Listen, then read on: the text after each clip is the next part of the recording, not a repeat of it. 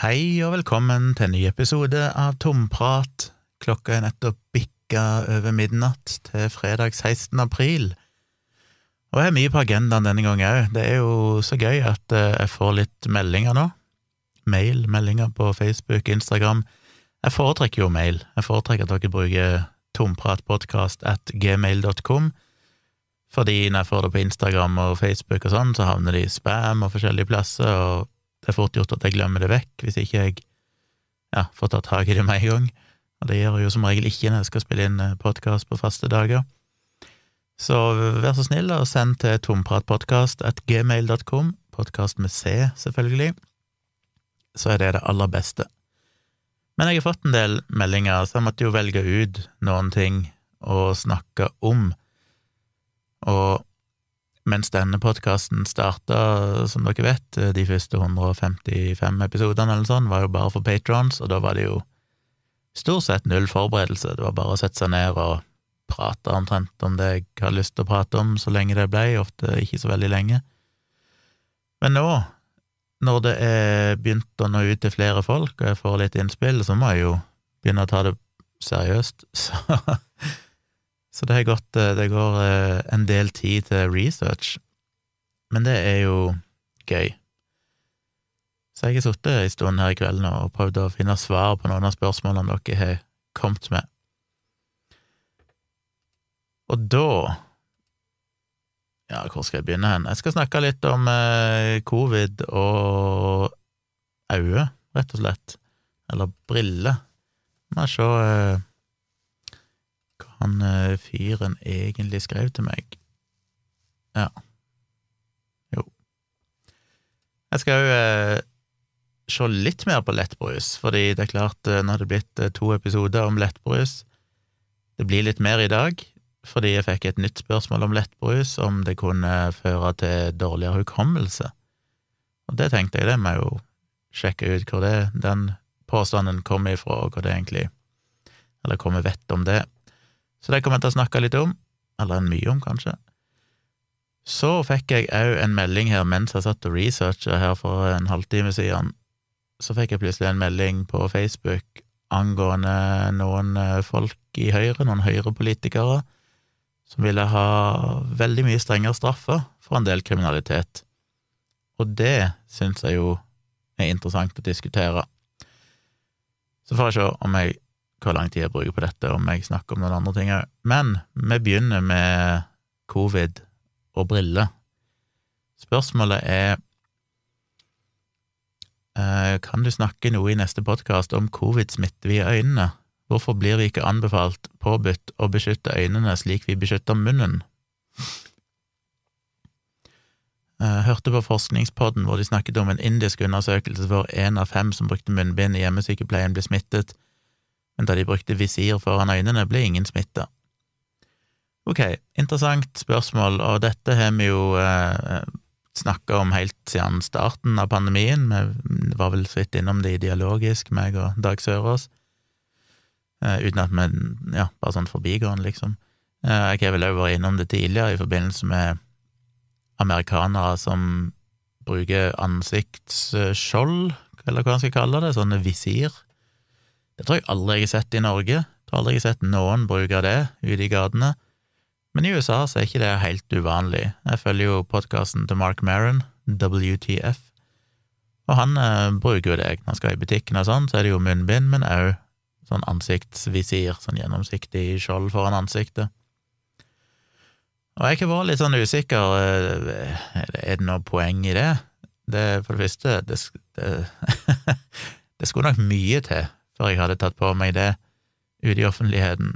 Det hadde vært eh, krevende, iallfall hvis det ikke var vanlig, hvis den eneste som kom med ansiktsvisir, da skulle jeg virkelig, virkelig ha vært overbevist over at det hadde en betydelig effekt, og smittetrykket skulle nok vært ganske mye høyere enn det det er akkurat nå. Men har det noe for seg? Det er jo et interessant spørsmål, for det alle disse virusene, forkjølelsesvirus, eh, influensa og alt dette her, de smitter jo gjennom egentlig alle Eller ikke alle, men de fleste overflater som er Ja, alle passasjer som går ifra innsida av kroppen til utsida av kroppen, for å si det på den måten. Og der har vi jo munnen, vi har nesa, og vi har øynene, som er knytta til, til lunge og hals og de områdene der disse virusene trives, som gir oss luftveisinfeksjoner. Og øynene er en eh, kjent smittevei for virus, og jeg vet ikke hvor mye fokus det har vært lagt på det, jeg kan liksom ikke helt huske at det har vært snakka mye om det, men det er klart, hvis du får dråper, noen som hoster, nyser, som er smitta med korona, og du får de dråpene på øynene, så kan du bli smitta av det. Eller hvis du får det på hendene, eller du plukker deg i nesa og er Nei, det var kanskje dumt å plukke deg i nesa, det er hvis du smitter deg sjøl. Men hvis du har det på hendene fordi du var i kontakt med andre, eller i overflate der du fikk virus på deg, og så gni deg i øynene eller pirke deg i øynene, så kan det være en smittevei. Så det er plausibelt, og er vel relativt sikkert, at du kan bli smitta gjennom øynene, men beskytte det med vanlige briller, beskytte det med ansiktsvisir, har det noen effekt? Burde det vært påbudt? Der er vel, ut ifra det jeg har lest nå, så mangler det god forskning på dette. Jeg fant en eh, artikkel som på en måte ja, publisert ganske seint, 30. mars 2021, som gikk gjennom den forskningen som finnes, og mye av interessen for dette kom i høst, da det var en ganske liten kinesisk studie der det var noen eh, leger på et sykehus som oppdaga at det var overraskende sjelden at de som kom inn som var smitta med covid-19 på det kinesiske sykehuset, hadde briller, som var rart, for det andelen med briller i det området, eller i Kina generelt, er ganske høy. Veldig mange som er nærsynte. Men det var sjokkerende få som hadde briller, så de begynte liksom å, å gjøre en studie på dette, og fant vel da at uh, det virka som at folk som brukte briller, var en del mindre utsatt for å bli smitta av covid-19. Hvis de først ble smitta, så ble de akkurat like sjuke sånn som alle andre, så det hadde ikke noen effekt sånn sett, men uh, forståelig nok. Men uh, ja, det kunne kanskje beskytte. Men de dataene er jo veldig Altså, det er jo ikke en kontrollert studie på noe vis, det er ikke en, en virkelig rigid studie, det er ganske små tall og sånn, så det var mer en sånn hm, dette var interessant. Og så er det vært noen andre studier. Eh, denne første studien, som sagt, det var gjort på 276 pasienter, og det de fant ved at uh, Ja, hva var det de fant? Ja, de fant vel uh, at det var en ganske kraftig reduksjon. Hvor mye var det? Nesten en seks ganger mindre sjanse. Nei ja, Jeg hadde egentlig ikke tenkt å gå inn i dataen på den studien, enten nevne den, så nå ble jeg litt usikker på hva det egentlig står her i full fart, men uansett, de fant iallfall at det var en reduksjon i risiko hos de som brukte briller. Så det var jo interessante data. Og så har de sett på eh, noen folk i USA, folk som jobber på sykehus, og igjen så hadde jeg ikke egentlig tenkt å gå inn i dette, så hvorfor gjør jeg egentlig det på spark? jeg ble bare fristet til å klikke på de her linkene. Men uh, det er jo interessant. Hva er det egentlig fant her? Uh, uh, uh. Hmm. Nei, dette blir en dårlig podkast, jeg skal sitte og lese her. Nei, anyway, det var iallfall en studie der òg. Og så er det jo noen data fra India som kan være det som den der eh, andre podkasten snakket om, selv om jeg mener at den studien egentlig ikke fant noen sånn betydelig forskjell. De fant at uh, Eller jo Ja, de ikke oppsummerte egentlig dataen her skikkelig, så jeg vet ikke helt. Men det er iallfall en del studio, studier. Det ble gjennomført en systematisk litteraturgjennomgang i juni 2020, der de gikk gjennom ganske mange studier som gjaldt både covid-19, MERS og SARS, og der fant de at det å beskytte øynene var assosiert med en, en ganske kraftig reduksjon i risiko. Men samtidig så fant de at de studiene som var inkludert i denne litteraturgjennomgangen, eller metaanalysen, var ganske låg kvalitet, så ja, det er vanskelig å, å vite, og de viser til noen andre sånne studier. Konklusjonen er vel at vi vet vel kanskje egentlig ikke. Det er dårlige studier, ganske små studier, så en er ikke noe sånn veldig gode data. Det er plausibelt at det kan være en beskyttelse, men at myndighetene ikke vil anbefale det, eller enda mindre påby det, handler vel om at det blir sett på som et kanskje for stort inngrep, når en ikke egentlig har god nok dokumentasjon på effekten. Jeg har sett amerikanske artikler som sier det skader ikke, det vil sannsynligvis gi deg bedre beskyttelse, men eh, det er kanskje ikke verdt det. Da snakker de vel primært om ansiktsvisir, noe som beskytter ganske mye mer enn vanlige briller, men vanlige briller òg kan beskytte litt, og det de spekulerer i, er to ting. Det ene er at de faktisk mener at å bruke vanlige briller reduserer eh, hvor mye du faktisk tar deg i øynene. Skjønte ikke helt hvorfor det skulle være en sammenheng mellom det. Hvorfor skal du ta deg mindre i øynene hvis du har briller på, enn hvis du ikke har det? Er det fordi du er mindre utsatt for å få rusk i øynene, eller sånn, hvis du har briller på? og dermed mindre behov for å gni deg i øynene.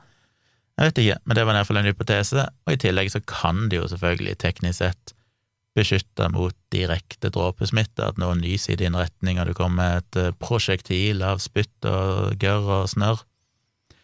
Eh, kanskje mest narr, ettersom spytt i seg sjøl ikke pleier å være særlig smittsomt. Iallfall ikke med vanlig forkjølelsesvirus, der er jo spytt inneholder jo basically ingen virus, og det er jo faktisk egentlig trygt å kysse noen som er forkjøla fordi det er veldig liten sjanse å bli smitta av det. Hvis du derimot slikker de i nesa, eller slikker de eh, langt ned i halsen, så er kanskje risikoen litt større, men det får en jo bare styre unna for de som er sånne fetisjer.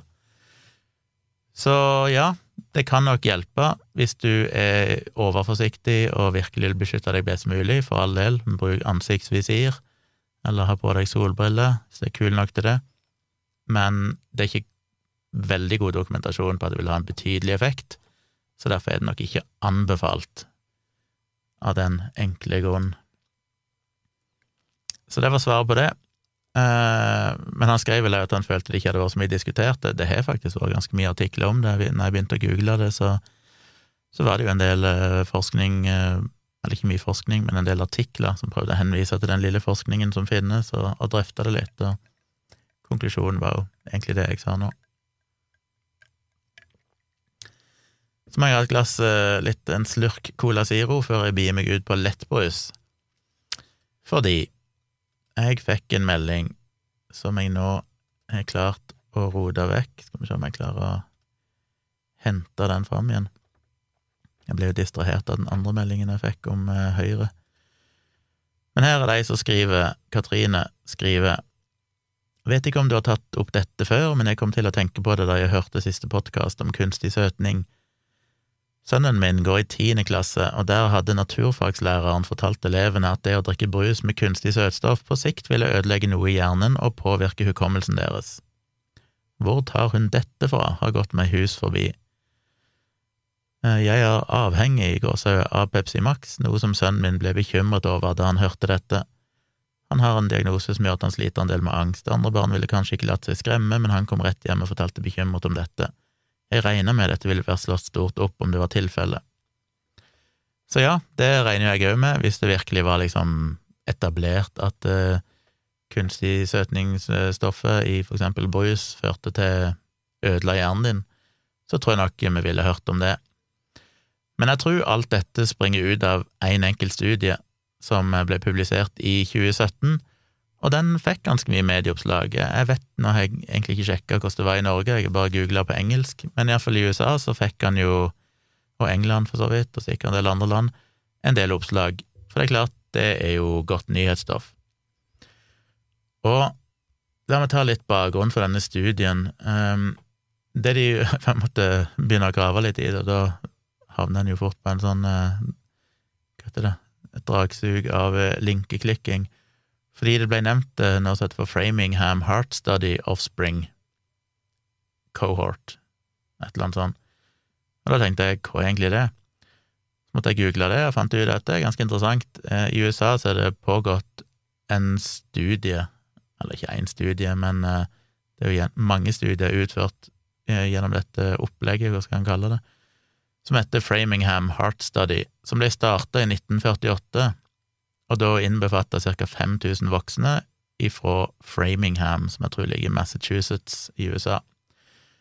Så greia var at de ville undersøke hjertehelse og følge folk over tid, så det er en såkalt prospektiv kohortstudie, altså der de følger en kohort, det vil si en gruppe med mennesker, framover i tid, og så kan de gjøre forskjellige målinger på forskjellige tidspunkter, gjøre forskjellige analyser og se hvordan forskjellige sykdommer utvikler seg i den kohorten, og da sammenligner det med for eksempel kosthold som én ting. Denne studien Eh, denne her lettbrusstudien, den var basert på data som de henta ut fra denne Framingham Heart Study, men de brukte altså en eh, på en måte andre generasjon Framingham Heart Study Offspring, altså barna til de som var med i den opprinnelige studien, som starta i 1948, og de i 1948 var allerede voksne mennesker, så ungene deres er blitt fulgt fram, og nå leste jeg at de er på tredje generasjon, jeg vet ikke hva den heter, Framingham Heart Study Offspring Offspring, eller noe sånt. Men denne studien var altså på andre generasjon, og eh, den eh, Alle disse studiene på disse, denne kohorten fra Framingham Nå har jo ungene flytta litt rundt andre plasser, men de fleste var faktisk fortsatt i nærområdet, men de måtte jo spore opp litt litt barn av de opprinnelige voksne som eh, har flytta til andreplass i USA og sånn, men det er de i ganske stor grad klart å spore opp og fått med seg. Og det har gitt dere veldig mye data. Mye av det vi i dag vet om eh, hjertehelse, kommer faktisk ifra analyser gjort eh, på de 5000 voksne og ungene deres, blant annet effekten av kosthold, trening, konsekvenser av kolesterol og høyt blodtrykk og sigarettrøyking og sånn på hjertehelse, og òg for eksempel bruk av aspirin som er sånn blodfortynnende, forebyggende medikament. Eh, så vi har fått mye data ut av den, det vært nyttig, og de har da òg kunnet sammenligne, for eksempel, de tatt et sånn, eh, hva heter det, en slags snapshot av de folkene et årstall, eller om det var 1950, og så tok de en snapshot av ungene deres i 1972, og så kunne de da sjekke er det skjedd noen endringer her, og da fant de vel blant annet at eh, generelt sett så var det lavere blodtrykk og sånn, og det vært en del forbedringer innenfor hjertehelse som jo rimer med det vi vet, med at det generelt sett er mindre hjerteproblemer i dag enn det var før. Som blant annet skyldes kosthold og sånn, som er blitt bedre, og mindre røyking, selvfølgelig. Selv om jeg vet ikke hvor relevant det var i 1972. Men i denne studien så hadde de 2888 personer over 45 år, og de hadde 1484 personer over 60 år. De 2888 personene over 50, 45 år, de analyserte de for risikoen for hjerneslag, og de 1484 personene over 60 år analyserte de for risikoen for demens. Så sånn jeg har forstått det, så uh, henta de ut data om kostholdet, eller hva de pleide å drikke, ifra tre sånne eh, tidsperioder i denne studien. Den ene var fra 91 til 95, den andre var fra 95 til 98, og den tredje var fra 98 til 01. Og den siste tror jeg de brukte til å og, ja, De vurderte også totalkonsum, og så brukte de også den siste for å gjøre en egen analyse med det de kalte for liksom recent intake, altså nylig inntak av lettbrus, sammenligna med totalkonsumet sånn i snitt over lengre tid, for å se om det var noen forskjell på de to tingene. Så etter de henta de siste dataene, så fulgte de de da i ti år, og så så de etter ti år hvor mange av disse hadde fått uh, hjerneslag eller demens. Og dataene de fant, ble justert for både alder, kjønn, utdannelse, kaloriinntak, fysisk aktivitet og røyking. Og det de fant, og som fikk en del presseoppslag, var at de som drakk eh, mest lettbrus, hadde 2,96 ganger, altså omtrent tre ganger, høyere risiko for hjerneslag, mens, det, mens eh, de òg hadde 2,89 ganger høyere risiko for demens. Og de fant altså ikke det samme når de analyserte de som drakk sukkerholdig brus, eller andre typer sukkerholdige drikker, primært. Så det er klart, det gir jo presseoppslag. Tre ganger høyere risiko for hjerneslag og demens hvis du drikker primært lettbrus istedenfor sukkerholdig brus. Eh, og det fikk en del oppslag, men jeg fant en, eh, et nettsted som på en måte analyserer hvordan pressen rapporterer um, helse, helsenyheter og forskning, og den gikk gjennom de presseoppslagene som hadde vært på akkurat denne studien tilbake i 2017, og kom egentlig fram til at det hadde vært faktisk ganske bra rapportering. De fleste nyhetsinnslag hadde tatt med alle forbeholdene, og ikke egentlig sensasjoni, sensasjonaliserte Sensasjona, Sensasjonalisert, er det dette? Eh, dette her. Så la meg se hva de egentlig fant, altså hva det egentlig var problemet med denne studien, for det er jo dette jeg syns er gøy. Jeg mener, jeg, jeg får jo en, eh, en liten eh, mikroskopisk ereksjon av å eh, sitte og granske sånne forskningsartikler for å sjekke om man kan finne ut om det er noen svakheter i det. Det er jo detektivarbeid som er veldig, veldig gøy for en nerd. Og jeg har jo lest andre artikler som har gått gjennom denne og, og funnet litt sånn problemer.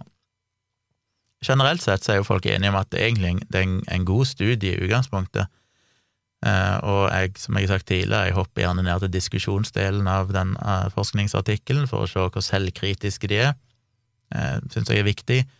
Hvis de i diskusjonsdelen ikke liksom tar noe selvkritikk, eller ikke peker på noen svakheter, så blir jeg alltid litt skeptisk, for det er sånn ingen studier som er alene som er gode nok til å eliminere alle, alle usikkerhet. Men de hadde jo gjort det i denne studien. De hadde liksom trukket fram eh, ei liste med ting som var svakheter med studien, og det gir meg alltid litt mer eh, det, det gir litt mer troverdighet til konklusjonen deres. Men det som er problemet, er Det ene er jo litt sånn brutalt, men det er rett og slett det som kalles for overlevelsesbias, eller overlevelsesskeivhet. Det vil si at dette var jo relativt ikke gamle folk, men eh, noenlunde opp, folk opp i årene. Eh, det var jo snittalder ja, Jeg husker ikke, men snittalderen lå jo ganske langt oppi, det er jo omtrent pensjonistalder på mange av de. Så det er klart, noen av de vil jo dø i løpet av den tiårsperioden når de analyserer disse dataene. Og spørsmålet da er jo kanskje de som drakk sukkerholdig brus av ulike grunner rett og slett døde fordi de var mer, det var mer fedme, for eksempel, mer overvekt som kan føre til hjerteproblemer eller kreft eller et eller annet sånt. Og de som døde, de blir da ikke med i det endelige resultatet, som de da, eller det målepunktet ti år etterpå, for de døde før det skjedde. Så på en måte kan en jo si at de som overlevde de ti årene, uansett så ut til å ha en fordel. og hvis, det, var mange da som drakk lettbrus som overlevde, så kanskje det peker i positiv retning. Eh, så det er, en, det er, jo ikke noe de har noe data på. Det så ikke ut til å ha noe data i selve studien på hvor mange av disse som til slutt egentlig hadde dødd i løpet av denne perioden. Så det vet vi ikke, men det er jo en sånn ting en må ha med i alle sånne prospektive studier, at uh, ja, at kanskje de som ender opp med å på en måte bli erklært med at her er det et problem, egentlig er et mindre problem, fordi at de som ikke er innbefatta i den gruppa, allerede var daua eller mange nok av de til ikke er statistisk lenger. Så kanskje det kan være en faktor. Det er nok ikke det viktigste problemet her, men det er verdt å ha med seg. Eh, de fant òg at de som drakk sukkerholdig brus, de drakk generelt sett mindre av det enn de som drakk lettbrus, så derfor kan det være litt vanskelig å sammenligne de, for det var ikke samme inntak i samme mengden som ble inntatt av begge gruppene. Det store problemet med studien er jo at det er en prospektiv kohortstudie, som altså følger en gruppe mennesker over tid, og så ser de på hva de er inntatt av, i dette tilfellet drikke, og så ser de om de finner at ei gruppe er mer utsatt for en sykdom enn andre. Og det er jo det de finner her, men som forskeren er veldig tydelig på å både skrive i studien sin og i alle intervjuene som jeg ser er blitt gjort, er at de kan jo ikke konkludere med noen kausal sammenheng, altså noen årsakssammenheng det kan jo aldri i sånne studier. Så de kan jo ikke si at disse folkene hadde høyere risiko for demens og hjerneslag fordi de drakk lettbrus. Det kan være at de som drikker lettbrus, har et eller annet annet ved livsstilen sin eller genene sine eller et eller annet sånn som øker risikoen, og som samtidig øker trangen for å drikke lettbrus, eller gjør at de i større grad har vært overvektige tidligere, og dermed har bytta til lettbrus. Og det er jo den, den største usikkerheten som jeg var innom i tidligere episoder med lettbrus, at veldig ofte de som drikker lettbrus, er folk som tidligere har slitt med overvekt og switche til lettbrus, og dermed vil mye av helsekonsekvensene du måler, egentlig være knytta til den overvekten de enten hadde tidligere eller har nå. I tillegg så er det jo selvrapportering. Det er folk som skal rapportere på forskjellige tidspunkter hvor mye eh, har du drukket av lettbrus de siste året, eller siste tre årene, eller et eller annet sånt, eller hvor mye pleier du å drikke i uka normalt de siste månedene eller årene. Og der eh, har en jo for det første ofte en sånn eh, en sånn skeivhet i at folk som vet Altså, det har vært mye fokus på at sukkerholdig brus er usunt, og alt som er usunt, har vi lyst til å benekte litt at vi spiser og drikker. Så bevisst eller ubevisst så kan folk fort underrapportere det og si ja, jeg drikker ikke så mye sukkerholdig brus, eh, men jeg drikker mye lettbrus, det, for det, det, er jo ikke farlig, og det er jo eh, kalorifritt og sånn. Så en, en vet jo ikke helt det, og det er jo bare generelt sett usikkert, altså hvor presis hadde du vært hvis du skulle fortelle, prøve å estimere eh, snitt på alt du spiser og drikker i løpet av de siste året, for eksempel? Jeg vet jo sjøl at jeg synes det er helt håpløst, bare sånn som nå, så sliter jeg med å si hvor mye cola drikker jeg om dagen. Når jeg liksom begynner å tenke, og så kommer jeg fram til noe, men om det er korrekt, det, det tør jeg jo ikke si. Så det er jo problemet, det er selvrapportering, og det er upresist, og en gjerne undertrykker de usunne tingene en inntar, videre og så. Så kanskje noen av disse har erstatta mengden sukkerholdig brus med lettbrus, fordi at det føles bedre for uh, ja, samvittigheten, uh, og så blir det feil i dataen. Så det vet en heller ikke helt. Men så det er svakheter her, og hadde en stoppa der, så kunne en jo sagt at ja, ok, det er, de fant at det var en, en større risiko for hjerneslag og demens, og det er definitivt svakheter med studien, og en del artikler stoppa der, og det kan på en måte være nok til at du ikke selvfølgelig kan konkludere ut ifra den studien, det sier jo forskeren sjøl, eh, fordi, ja, alt det jeg nettopp nevnte, det er interessante data, men vi vet det ikke. Men det kan jo allikevel være nok til at folk blir litt nervøse, og det er jo mange fagpersoner som blir intervjuet i disse artiklene om denne studien, som sier at det er interessant interessante data, og det tryggeste er nok at folk drikker liksom vann eller melk. Og det er det jo, altså uansett så er det nok best for kroppen og tennene å drikke vann hvis du kan det. Men skal du velge et eller annet som smaker søtt, så er det bedre å drikke sukkerfritt enn sukkerholdig, enn iallfall det jeg alltid har sagt. Men kanskje denne studien viser at det var feil, helt til en begynner å grave litt i dataen. For når en virkelig graver i dataen, så ser en jo at disse forskerne kanskje overselger, ikke bare kanskje, men de har definitivt oversolgt resultatene sine. For det, de begynte òg etter hvert å se litt på er det andre helsefaktorer som kan ha ført til hjerneslag eller demens. Og de undersøkte to ting. Det ene var høyt blodtrykk, kan det være at de som har høyt blodtrykk, det vet vi jo er en eh, risikofaktor for hjerneslag. Eh, kanskje de som drakk eh, lettbrus i større grad hadde høyt blodtrykk. Og når de justerte for det, så vips, så forsvant sammenhengen mellom lettbrusdrikking og hjerneslag. Så det betyr vel at de som da i større grad drakk lettbrus, òg ofte hadde høyt blodtrykk, og det kanskje er det høye blodtrykket, eller det mest sannsynlig er det høye blodtrykket, som egentlig er årsaken til hjerneslagrisikoen.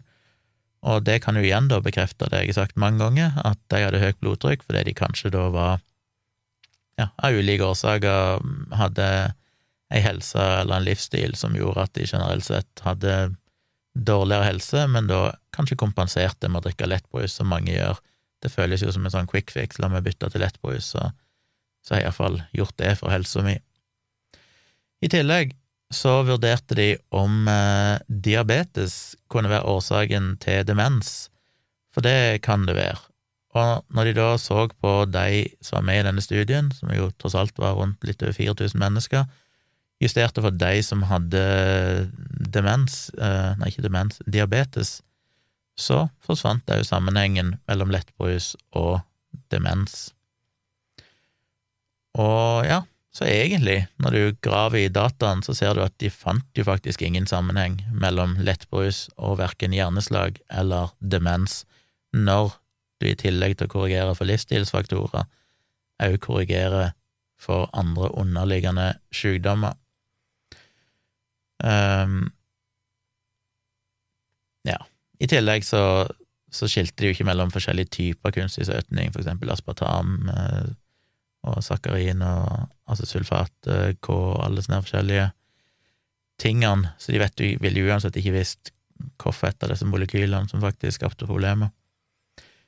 En annen problem som har blitt trukket fram, er jo dette med absolutt versus relativ risiko, fordi de fant jo omtrent en tre ganger økning for begge delene, men andelen som hadde demens eller hadde fått hjerneslag av de tusenvis av personene som var med i studien, var fortsatt veldig, veldig få, sånn at selv om risikoen økte i relative tall, tre ganger høyere risiko høres jo veldig dramatisk ut, men når utgangspunktet er en mikroskopisk andel, så blir ikke den absolutte risikoen noe særlig høyere. De aller, aller, aller fleste som drakk lettbrus, fikk fortsatt verken hjerneslag eller demens. Eh, om du så hadde stolt på de opprinnelige dataene. Grunnen til at jeg sier de overselger konklusjonen, er fordi at de skriver jo om dette her med diabetes og, og høyt blodtrykk i artikkelen, men de skriver, altså i selve artikkelen så skriver de at eh, Hva de sier At det, det reduserte sammenhengen, men den forsvant ikke helt. Det var fortsatt en, en betydelig andel som var knytta til bare lettbrus i seg sjøl. Men og så henviser de til se mer data online om dette. Så klikker jeg meg inn på den linken, og du får da lasta ned en PDF der de har mer sånn detaljert uh, brutt ned dataene sine. Og da finner du at uh, ja, risikoen forsvinner ikke helt, men den er ikke lenger statistisk signifikant, som ja, etter i utgangspunktet betyr at risikoøkningen da var, om du hadde tatt den seriøst, ekstremt liten, sammenlignet med det der tre ganger høyere, så var det snakk om liksom kanskje ja, 10-15 høyere eller noe sånt, hvis jeg husker rett, men de tallene var heller ikke statistisk signifikante, så de er såpass usikre at uh, vi vet ikke. Så det at de på en måte skriver i artikkelen sin at uh, risikoen ble redusert, men den forsvant ikke helt, men når du går inn og ser på de faktiske tallene, så ser du at mm, de er jo ikke statistisk signifikante lenger, så har de jo etter alle målestokker egentlig forsvunnet helt, og dermed så sier egentlig ikke den studien noe noen ting. Så det er mange måter å kritisere den studien på. Eh, masse svakheter, og i tillegg så fant de egentlig ikke det som presseoppslagene egentlig viste. Ergo så er det jo en ikke-sak. Så jeg tror at eh, Katrine kan berolige sin sønn med at dette er basert på en studie som ikke egentlig fant dette, og denne naturfagslæreren har nok eh, lest artikler om det, det er kanskje vært norske presseoppslag om det tilbake i 2017, men har da ikke fått med seg at det nok var litt mer komplisert enn akkurat det som ble gjengitt i media, som jo gjerne vil ja, skremme litt, spille på frykt, uten å egentlig gå inn i detaljene. Så jeg håper det var informativt, iallfall for Katrine, og kanskje dere andre. Jeg legger jo som vanlig ved noen linker. Dere kan lese både studien og iallfall en av de beste sånne gjennomgangene som er kritiske.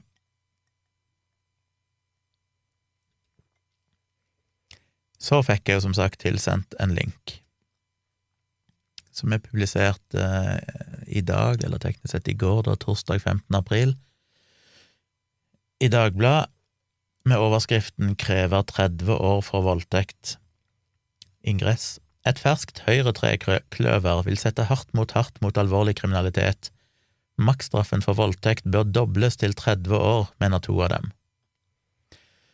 Og jeg må jo si at dette fikk jeg som sagt eh, rett før jeg skulle begynne å spille inn omtrent, og ikke, dette blir egentlig for min del bare litt sånn høytenking, jeg har ikke researcha noe forskning og sånne ting, men jeg har jo noen tanker om det. Eh, det de går inn for, dette trikløveret som består av Bård Ludvig Thorheim, Anna Irene Molberg og Mahmoud Farahmand, Eh, Anna Irene Molberg er førstekandidat for Høyre fra Hedmark ved stortingsvalget i høst. Eh, Mahmoud Farahmand er fra Telemark, sitter i komiteen som har laga forslag til nytt partiprogram som skal vedtas på Høyres landsmøte i midten av mai. Og den siste, hvem var det? Thorheim, står det hvem han er? Uh, nei, men iallfall en Høyre-dude. Og de har lagt fram uh, fire tiltak her for å stoppe alvorlig kriminalitet, som de kaller det. Én er generell bevæpning av politiet. To er å øke strafferammen for alvorlig kriminalitet. Tre er hurtigspor for straffesaker, der kriminelle gjengangere får en rask og følbar reaksjon. Fire lovpålagt møte med politiet i fellesskap med relevante etater i kommunen for førstegangskriminelle. Nå har ikke jeg satt meg inn i alle disse, sånn som punkt nummer fire, lovpålagt møte med politiet i fellesskap med relevante etater i kommunen for førstegangskriminelle, høres for meg for så vidt fornuftig ut, uten at jeg har tenkt veldig mye gjennom det, eller lest om det finnes noen gode argumenter for at det ikke bør gjøres, men jeg tenker jo at det, det kanskje kan være fornuftig. Eh, hurtigspor for straffesaker der kriminelle gjengangere får en rask og følbar reaksjon det er ikke så mye mening om, jeg vet ikke nok om konsekvensene av det, så det skal jeg ikke si så mye om. Generell bevæpning av politiet skal ikke snakke mye om det heller, anten at det høres jo for meg eh, Det har vært mye diskusjon om det i mange år i Norge. Og jeg, har jo alltid falt på et standpunkt at det høres ut som en fryktelig dårlig idé. For det blir jo fort en arms race, det blir jo fort en kald krig mellom kriminelle og politiet. I det øyeblikket kriminelle vet at politiet er bevæpna, så øker det risikoen for at de da bevæpner seg, og så blir det en sånn Du øker egentlig bare risikoen for deg sjøl, og fører til at hvis du først starter på det løpet, så kan du aldri gå tilbake igjen. Det ser en jo i USA og sånn. Det vil jo være basically håpløst for amerikansk politi å ikke være bevæpna lenger, fordi de har skapt en kultur der en, eh, en må være bevæpna. Så det er jo noe jeg absolutt ikke er tilhenger av, og jeg sliter jo veldig med å se i hvilken Altså, hvorfor skulle det stoppe alvorlig kriminalitet? Hvor mange saker i Norge nå er det som virkelig krever at politiet er bevæpna for å få stoppa det? De aller, aller fleste tilfellene av alvorlig kriminalitet skjer jo uten at politiet er til stede i det hele tatt, så jeg klarer ikke helt å skjønne at det skal stoppe alvorlig kriminalitet på noe selvs vis. Det er jo ytterst få tilfeller der politiet faktisk er aktivt innblanda i i saken når det pågår, eller eh, ved Ja. Ja, det er vel egentlig bare det som er relevant, om det er en sak som faktisk pågår akkurat der og da, et eh, holdt på å si bankran, for å si det litt banalt. Eh, og om så politiet skal være bevæpna der, så tror jeg neppe det totalt sett ville ha veldig stor betydning. Så for meg høres jo det bare ut som en sånn det klassiske at det alltid er noen politikere som skal vise at de er tough on crime fordi det føler de øker folks eh, følelse av trygghet og føler at de tar ting på alvor. Men jeg kan virkelig ikke se at det er en riktig vei å gå. Jeg er veldig, veldig glad for at politiet i Norge generelt sett ikke har vært bevæpna, men selvfølgelig at de skal ha mulighet til å bruke våpen i, under spesielle situasjoner, under strenge regler. Men det var mest det med strafferammene jeg syns var verdt å diskutere. De står, eh, det står her at de står sammen om kraftige økninger av straffene for de mest alvorlige lovbruddene. Det gjelder blant annet terror, drap og voldtekt. Så sier denne Molberg 21 års fengsel for flere drap er ganske absurd når du kan få det samme for ett drap, sier Molberg. Det er en klar ubalanse i straffenivået, derfor tar vi til orde for å gå gjennom straffenivået for å se hvor vi bør skru til mer. Um, Mahmoud Farahmand har fått inn i forslag til nytt partiprogram for Høyre så har han fått inn krav om ny maksstraff på 50 års fengsel for den mest alvorlige kriminaliteten, og det gjelder for eksempel terror. Eh, Farahmand og Bård Ludvig Thorheim vil dessuten ha 30 års fengsel for drap. Nå er jo maksstraffen 21 eh, års fengsel, mens gjennomsnittsstraffen for drap er visstnok 12 år. Og så vil de ha en dobling av straffen for voldtekt til 30 år. I dag så er jo maksstraffen for grov voldtekt 15 eh, år i fengsel. Eh, apropos det Må gå ut igjen her og sjekke en ting. Hvor ble det av Hvor ble det av den? For jeg ble uh, Hvor endte han uh, Ja. For det er jo altså han uh, Julio Kopseng, som ble dømt for overgrep mot 17 kvinner, han ble jo dømt til 21 års forvaring, så Da må det vel bety at iallfall i de sakene så får du mer straff hvis det er at det, kanskje han kunne fått maks 15 hvis det var ei, ett offer, men han kan få mer når det er flere offer. Så i det tilfellet så, så kan en jo åpenbart få strengere straff enn det de sier her. Her snakker vi om ugjerninger som ødelegger ofrene for livet. Det er jo en sånn påstand som jeg bare misliker så ekstremt. Slutt å si det. Slutt for all del å si det. I beste fall kunne han sagt her snakker vi om ugjerninger som i verste fall kan ødelegge ofrene for livet. Men det å si sånn kategorisk at hvis du er utsatt for et seksuelt overgrep eller voldtekt, så er du ødelagt for livet, da kan livet ditt aldri bli bra igjen, da er det bare å pakke kofferten og, og legge seg ned. Det er forferdelig skadelig, synes jeg. Eh, selvfølgelig er det en forferdelig traumatisk handling for mange, men igjen så bommer han jo på det med at de snakker jo her om grov voldtekt. Altså, hvordan differensierer du dette? For dette, jeg tror, dette var innom tidligere i bloggen min, men det er veldig mange som har en idé om at for eksempel en overfallsvoldtekt av en fremmed på gata er mye mer traumatisk enn en sovevoldtekt av eh, kjæresten sin, eller en, en du dater, eller noe sånt, en du kjenner, eller en venn. Det finnes det ingen data som tilsier. Tvert imot, når en har undersøkt dette, så finner en ut at det kan være akkurat like traumatisk å bli utsatt for en sovevoldtekt, for eksempel, av noen du kjenner. Og det kan òg være mye mer problematisk, bare fordi at det kan være vanskeligere å bli hørt. Altså, blir du utsatt for et overfallsvoldtekt, så er det nok lettere å både anmelde det til politiet, og at politiet skal ta det på alvor. Eh, for da er det liksom ikke noe tvil om at det her var et overgrep. Men hvis du hevder å ha blitt voldtatt av kjæresten din eller mannen din eller en venn du delte seng med etter en fest eller sånn, så kan det være mye vanskeligere å bli møtt med både forståelse og sympati, og at i det hele tatt kunne noen som helst måte få noen dømt for dette, fordi det blir så mye mer ord mot ord. Så det er mye, som, det, det er mye mer komplisert enn at liksom, jo, jo mer brutal voldtekten er, jo mer traumatisk er det. Det er ikke nødvendigvis en sammenheng der, fordi at eh, for eksempel igjen da en, en sovevoldtekt eller fra noen du kjenner eller en venn kan være veldig mye mer traumatisk fordi det òg er et så fundamentalt tillitsbrudd som du ikke vil føle med en overfallsvoldtekt på samme måte, fordi da er det en fremmed kriminell person som gjør det.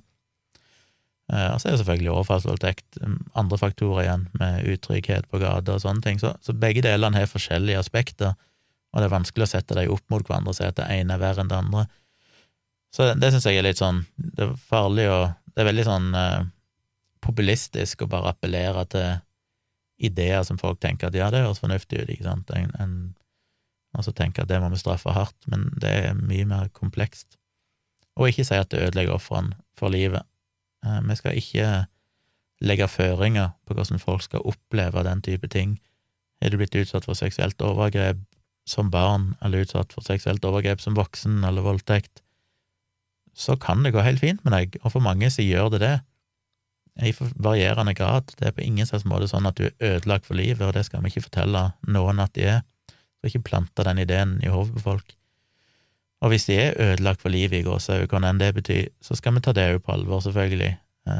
Folk skal få den hjelpen de trenger ut ifra sin egen opplevelse og definisjon av av hvordan de opplever det som er skjedd. Det er ikke noe vi som samfunn skal fortelle ofrene hvordan de skal føle det. Og det er jo òg problematisk i forhold til, til, til det juridiske og sånn. Altså hvis, hvis du skal hvis du opplever en grov voldtekt, og du samfunnet har en idé om at du da skal være ødelagt for livet, og offeret ikke fremstår som om de er ødelagt for livet, så kan det òg svekke troverdigheten til offeret selv om det ikke er noen sammenheng der i det hele tatt. Så igjen så er det skadelig rent sånn juridisk å ha den ideen om at du nødvendigvis må være helt ødelagt for livet hvis du opplever noe sånt.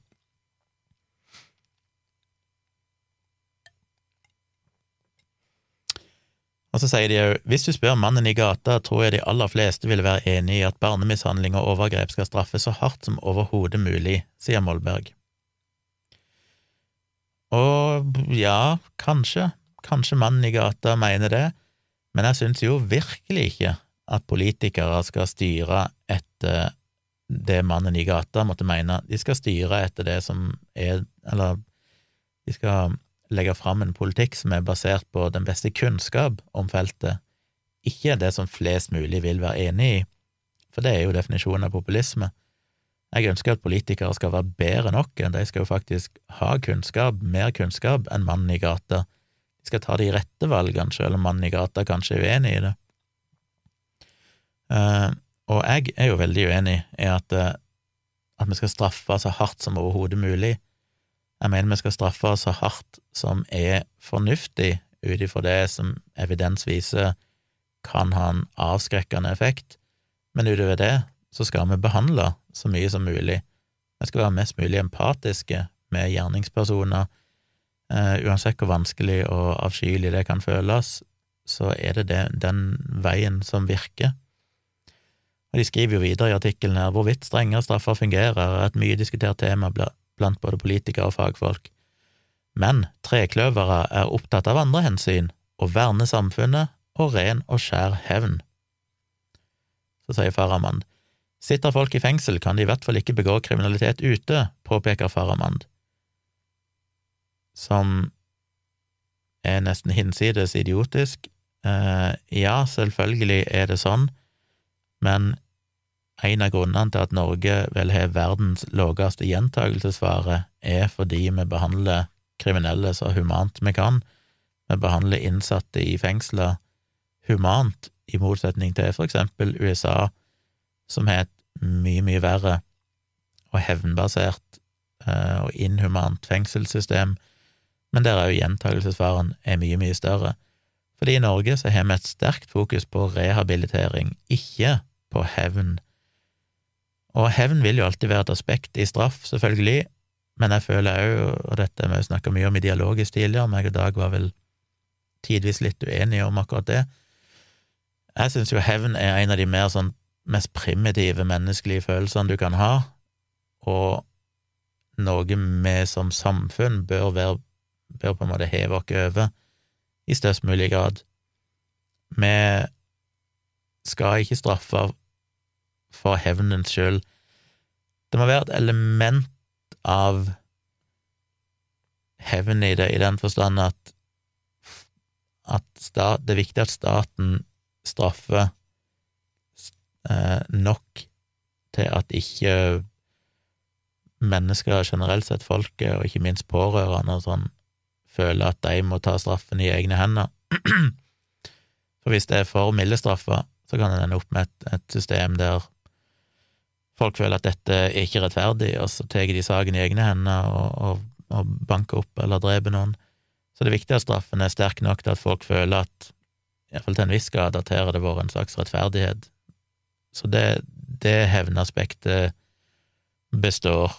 Men igjen så føler jeg jo det er en sånn Det er jo på mange måter å gi etter for de mest primitive følelsene i mennesker, men samtidig så så kan en ikke se helt vekk fra hvordan mennesker er. Vi er jo det vi er, og det vil være for mye å forvente av alle folk at de skal klare å heve seg over det. Så av rent sånn pragmatiske årsaker så må på en måte staten straffe, straffe nok til at det føles som rettferdighet. Men det viktige bør jo være rehabilitering. Og selvfølgelig så er det jo unntak som gjør det vanskelig. Jeg mener, Breivik er jo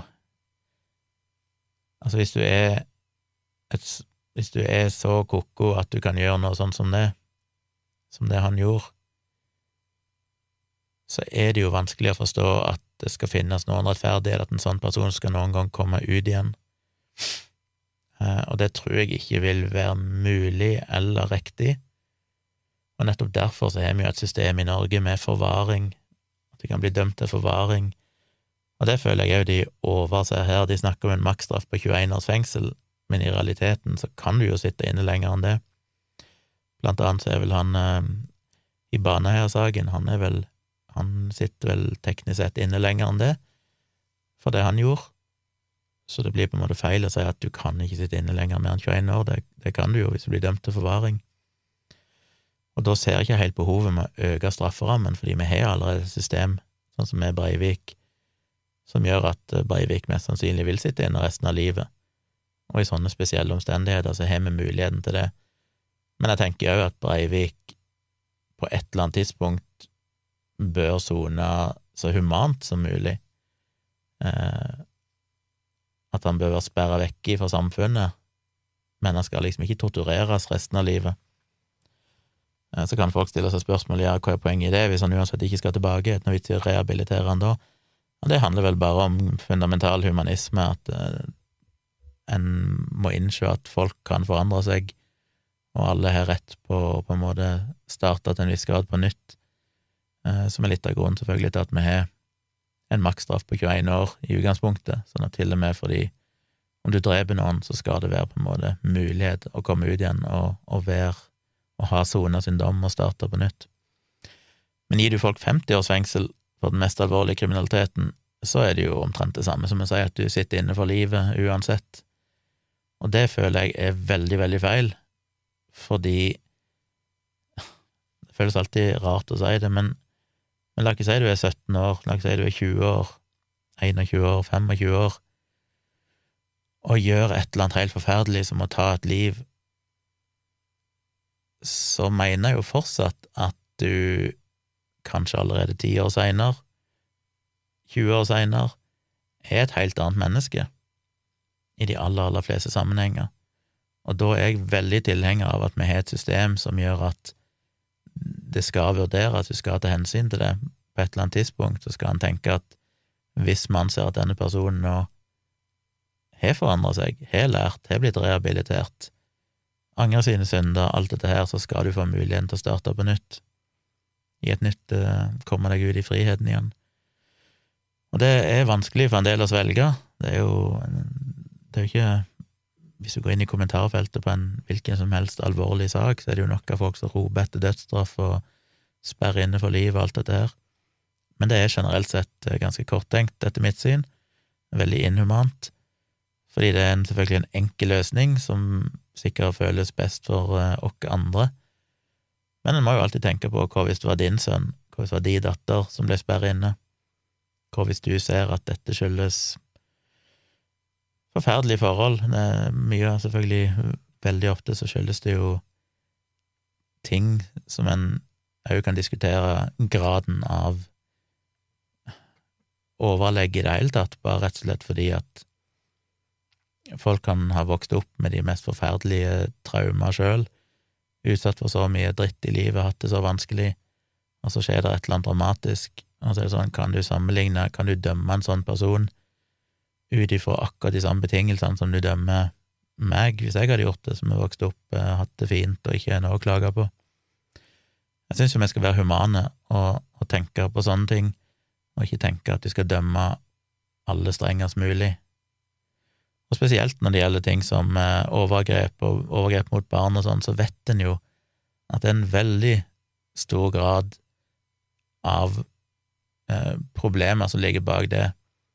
Eh, det er psykiatriske problemer, det er rusproblemer, det er folk som er blitt utsatt for overgrep sjøl i oppveksten.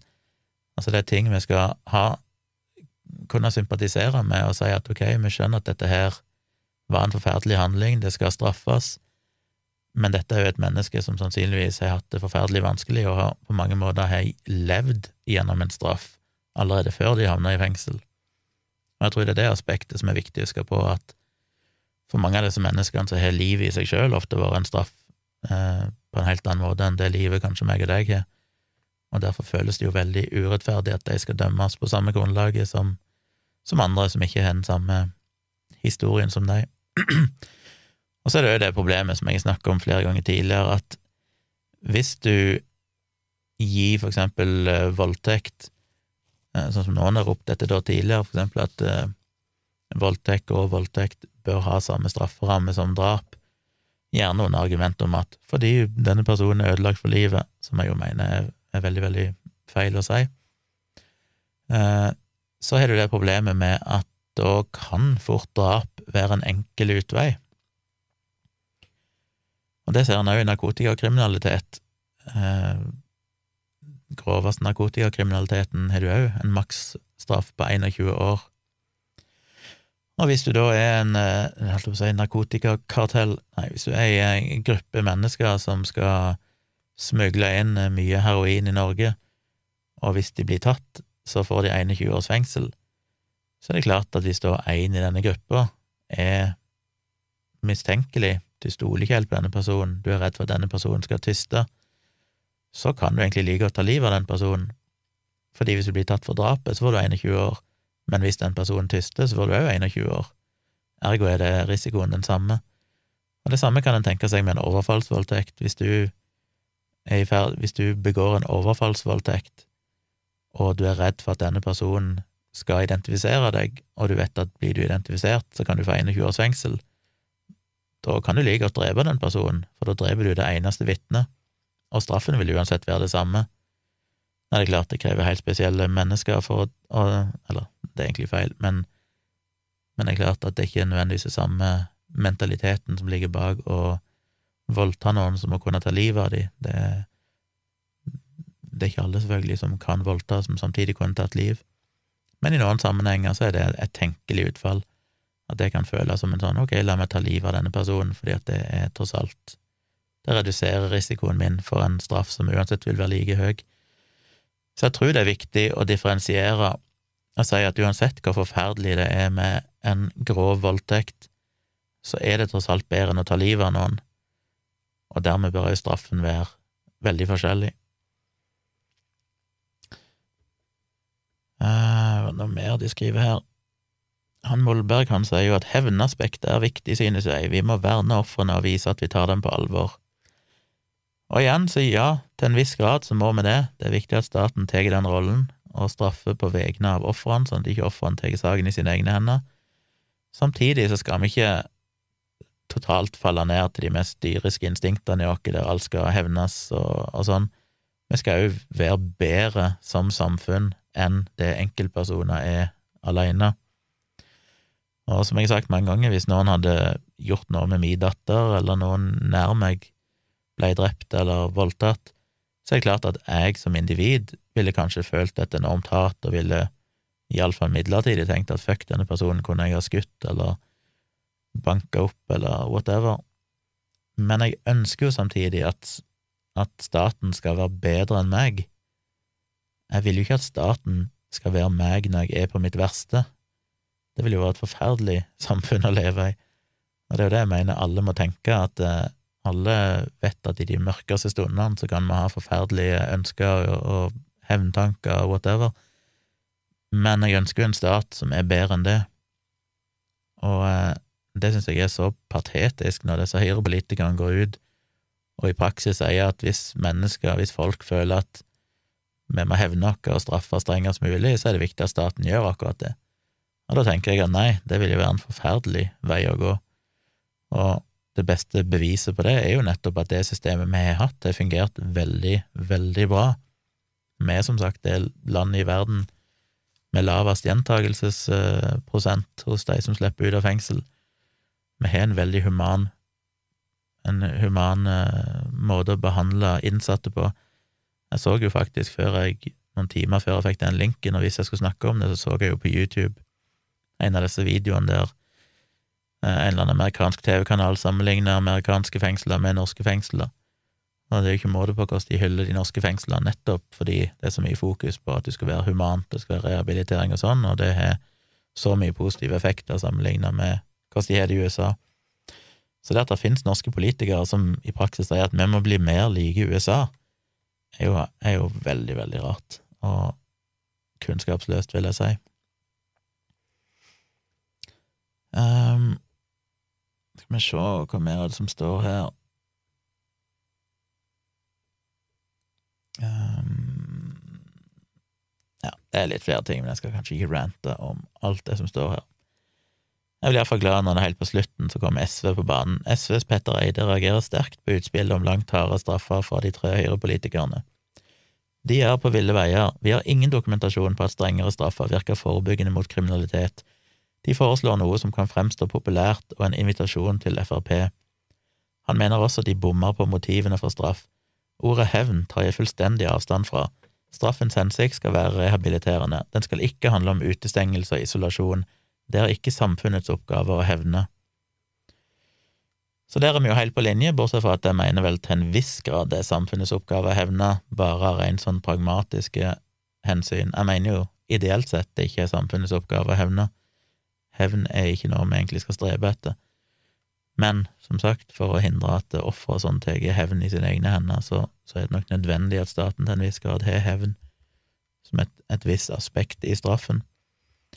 Men så sier de jo òg at uh, dette liksom bare skal gjelde den alvorlige kriminaliteten, at de samtidig da ønsker en, uh, en rusreform, sånn at ting som Skal vi se hva de skriver det hen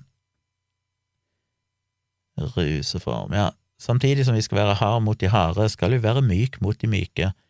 For de som ikke begår kriminalitet, som ikke har andre skadelidende enn de selv, kan vi også vurdere å senke straffenivået. Der er jo rusreformen et godt eksempel. De som er rusmisbrukere og har ødelagt livene sine, bør ikke møtes med straff. Den nevnte rusreformen fra regjeringen og Høyre ligger imidlertid an til å strande, slik Dagbladet skrev tidligere denne uken. Og det er jeg jo helt enig med de i, jeg er jo for rusreformen, og det er jo igjen fordi at jeg òg mener at uh, du skal ikke straffe folk som i utgangspunktet ja, ikke skader andre, ikke, det er mange årsaker til at folk velger å bruke rus, og spesielt de som er tunge rusmisbrukere og sånn, skal definitivt møtes med hjelp og ikke straff. Men jeg mener jo at det argumentet òg må kunne overføres til mange tunge kriminelle, eller mange som begår alvorlig kriminalitet. Det er naivt å tro at eh, ja, en rusmisbruker har ødelagt livet sitt og bør ikke møtes med straff, men en som begår alvorlig kriminalitet, er per definisjon da en helt vanlig, oppegående, lykkelig person som har hatt et fantastisk flott liv, og bare plutselig finner ut de skal gjøre noe helt for jævlig. En må jo tenke det samme om de òg. I utgangspunktet så, så, må en ta høyde for at eh, å møte sånne mennesker med forståelse og empati, og finne en kombinasjon av nødvendig straff og rehabilitering og behandling. Som nå så er jo jeg tilhenger av lavere straffer generelt sett. Eh, jeg syns vi skal erstatte mye straff med mer rehabilitering, mer behandling, eh, og iallfall ikke straffe mer for hevn, eller bare for å stenge folk ute av samfunnet, fordi det er så forferdelig tåpelig, syns jeg, å tenke at en person er den samme når du er 20 år som når du er 40 år. Jeg mener, jeg er jo ikke den samme personen som jeg var for fem år siden engang. Det er jo, vi forandrer oss jo så mye over livet og tar forskjellige valg, og alle skal ha mulighet til å starte på nytt. Eh, igjen, dette ble jo bare litt sånn subjektiv ranting og synsing. Eh, vi får komme tilbake igjen til det hvis dere har noen innspill. Jeg, ikke, jeg rakk jo bare så vidt å tenke på det før jeg begynte å prate. Det primært blitt høyt tenking i denne sammenhengen. Men kom gjerne med innspill til tompratpodkast.gmil.com hvis dere er veldig uenige i noe jeg har sagt, eller enige, eller har noe forskning dere mener jeg burde lese i denne, i denne sammenheng. Innspill tar jeg eh, veldig gledelig imot, og jeg korrigerer gjerne meg sjøl hvis jeg har sagt noe veldig feil eller dumt, men da må dere sende meg en mail og påpeke det. Da hadde vel egentlig ikke noe mer å si. Jeg må vel i framtida kanskje Ja, jeg kunne jo selvfølgelig ha ranta litt om eh, AstraZeneca-stansen i dag og vaksinepass, men kanskje jeg skal spare det til livestreamen seinere, fredag kveld 16. april. Så bli gjerne med på livestreamen på YouTube og se meg der. Så kan det være jeg kommer til å prate litt om de tingene. Jeg føler jo de siste livestreamene har vært veldig bra. Det har liksom fått gode spørsmål fra de som ser på, og endt opp i noen rants der jeg har fått eh, snakka litt om ting jeg brenner for, og det syns jeg er veldig kult. Så jeg må prøve å minne meg på det, hvis dere ser på, minne meg på å snakke om vaksinepass, og minne meg på å snakke litt om AstraZeneca-vaksinen, selv, selv om jeg føler jeg nesten ikke har gjort annet de siste ukene. Eh, Og så må jeg jo bare helt avslutningsvis, for å slutte med noe litt mer hyggelig, si at meg og Tone Åh, oh, blir så tørr i munnen. Ah, har begynt å se Californication igjen. Det er jo alltid vært en av mine favorittserier. Jeg så jo den eh, ja, kort etter den kom, pløyde gjennom alle sesongene som er kommet, men det begynner å bli veldig mange år siden. Det er vel Jeg husker ikke hvor lenge det for, hvor lenge det holdt på, men, men uh, iallfall mange år siden jeg har sett det nå. Tone òg hadde sett det, og hun òg digga det, og så plutselig så, så, nevnte jeg vel det i en sammenheng, at jeg digga den så veldig, og fikk så gode minner av den, og så, så um, begynte vi jo å abonnere på hva er det, Paramount Plus, er det han heter, den nye streamingtjenesten. For der hadde de en del gode serier, blant annet Californication, og så begynte vi å se den fra starten av, og det er jo bare så helt latterlig bra. En del sånne serier, når jeg ser det igjen mange år, etter, mange år etterpå, så er det sånn ah, ok, det var ikke så bra som jeg husker det. Men Californication er, er nå kanskje, ja, bortimot topp tre, iallfall topp fem serier jeg har sett noensinne. Den eh, Da jeg så han opprinnelig, så fikk jeg altså så stor inspirasjon av han. Jeg fikk jo så lyst å blogge og skrive.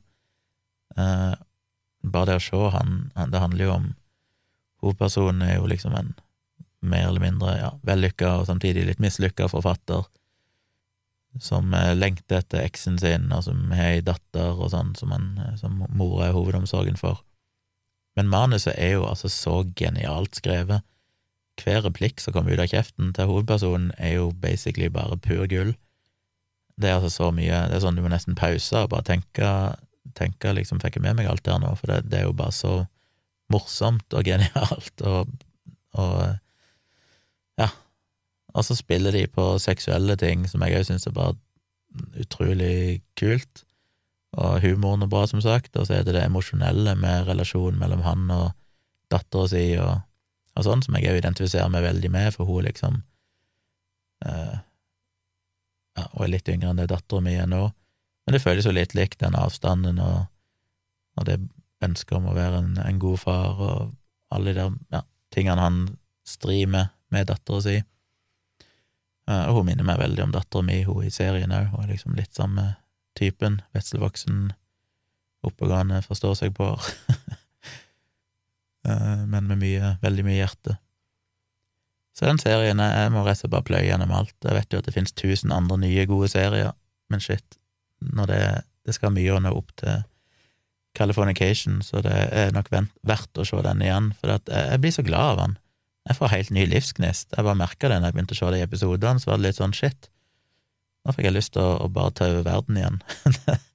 den er altså så eh, inspirerende, den serien.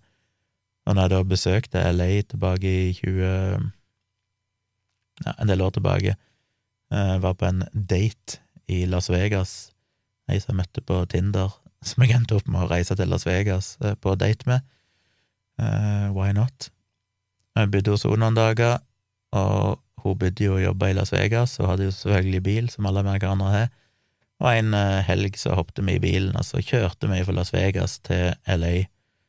Og der møtte jeg blant annet Mats Larsen, forfatteren av Pornopung, og eh, kona hans, hun der bodybuilder-kona hans, og spise middag med dem og sånn, så var det gøy, for jeg hadde jo hatt en del kommunikasjon med han tidligere via sosiale medier, men aldri møtt han, men så skulle jeg til LA, og han bor jo i LA, så tenkte jeg eh, sendte en melding og sa hei, skal vi møtes?